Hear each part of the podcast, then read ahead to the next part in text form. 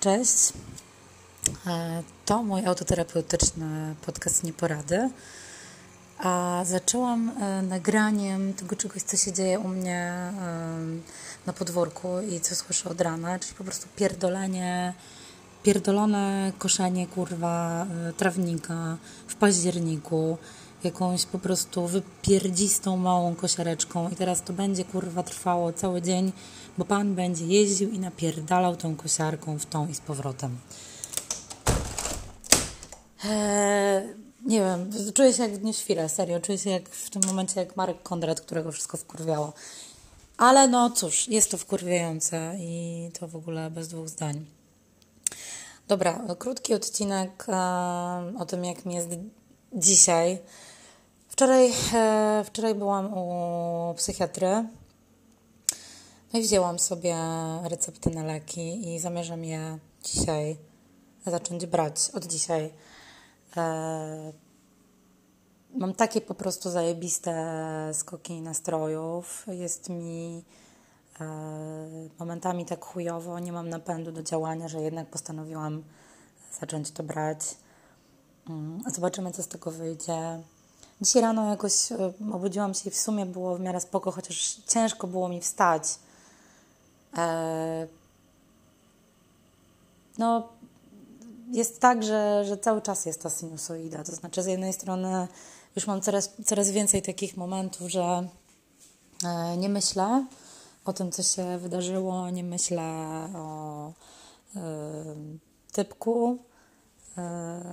Natomiast coraz częściej mam takie wątpliwości dotyczące um, mojego związku z, z Michałem, e, tego, czy to w ogóle ma sens, czy w takim razie, skoro można mieć z kimś takie uniesienia i w ogóle taki hardcore totalny, fajny w łóżku, to czy, czy jest sens się z kimś kurwa męczyć, z kim tego po prostu nie masz. Um, Mam też przemyślenia e, pewne co do mm, tego, co mi powiedziała terapeutka podczas terapii. I zastanawiam się tylko, czy. Mm, bo jestem na nią wkurwiona. Znaczy, rzeczywiście dzisiaj jestem w takim, w takim stanie, że jestem na nią totalnie wkurwiona. Wkurwiona jestem przede wszystkim na to, że że uważam, że trochę nie do końca jakby profesjonalnie przeprowadziła to spotkanie online. Miałam wrażenie, że chyba trochę była zmęczona, trochę ziewała, trochę była w jakimś pomieszczeniu, które mm, widać było, że tam gdzieś w tle są inni ludzie, tu gdzieś jakaś wnuczka jej gdzieś biegała, pętała się pod nogami, więc e, tak nie do końca chyba mm, e, nie do końca się chyba do tego przygotowała i ja też miałam takie poczucie, że że nie do końca jestem dla niej w tym momencie e, najważniejszą osobą w, w tej godzinie. E, zresztą zamierzam jej to powiedzieć. Nie następnego spotkania online raczej nie będę chciała już e, z nią mieć, bo trochę poczułam się gdzieś zlekceważona, powiem szczerze. Ale też jestem na nią zła, bo opowiadała mi o tej historii z Michałem i o tym, że czuję mm, czasem, że, y, że po prostu stwarza mi tutaj jakieś takie napięcie w domu, że y, zwłaszcza kiedy wychodzę spotykać się ze znajomymi, bo potrzebuję wyjść, spotkać się ze znajomymi, żeby przegadać, przemienić ten temat jeszcze raz. To jak wracam, to widzę, że on po prostu nie śpi, tylko chodzi, łazi, pali papierosy, y, jest jakiś taki poddenerwowany, i, i widzę, że jego po prostu wkurwia to, że ja wychodzę. Znaczy, prawdopodobnie jest tak, że on chyba nie przerobił do końca tej, tej sytuacji ze zdradą i, yy, i gdzieś. Yy, gdzieś ma cały czas do mnie o to pretensje. Też jak zapytałam go, dlaczego tak się zachowuje, no to mówi mi, że czuje się chujowo i żebym się nie, nie dziwiła, może on się tak czuje. No, ja mu się nie dziwię, że on się czuje chujowo, tak? Tylko yy, co ja mam z tym zrobić w zasadzie? Na ten moment nie potrafię zrobić niczego, co by spowodowało, że yy, czułby się inaczej i yy, nie do końca wiem też, czego on ode mnie oczekuje i terapeutka mi powiedziała, że w zasadzie to jest jego problem i że to on sobie powinien z tym poradzić i żeby mnie nie szantażował emocjonalnie, że jak chce odejść, to niech odejdzie.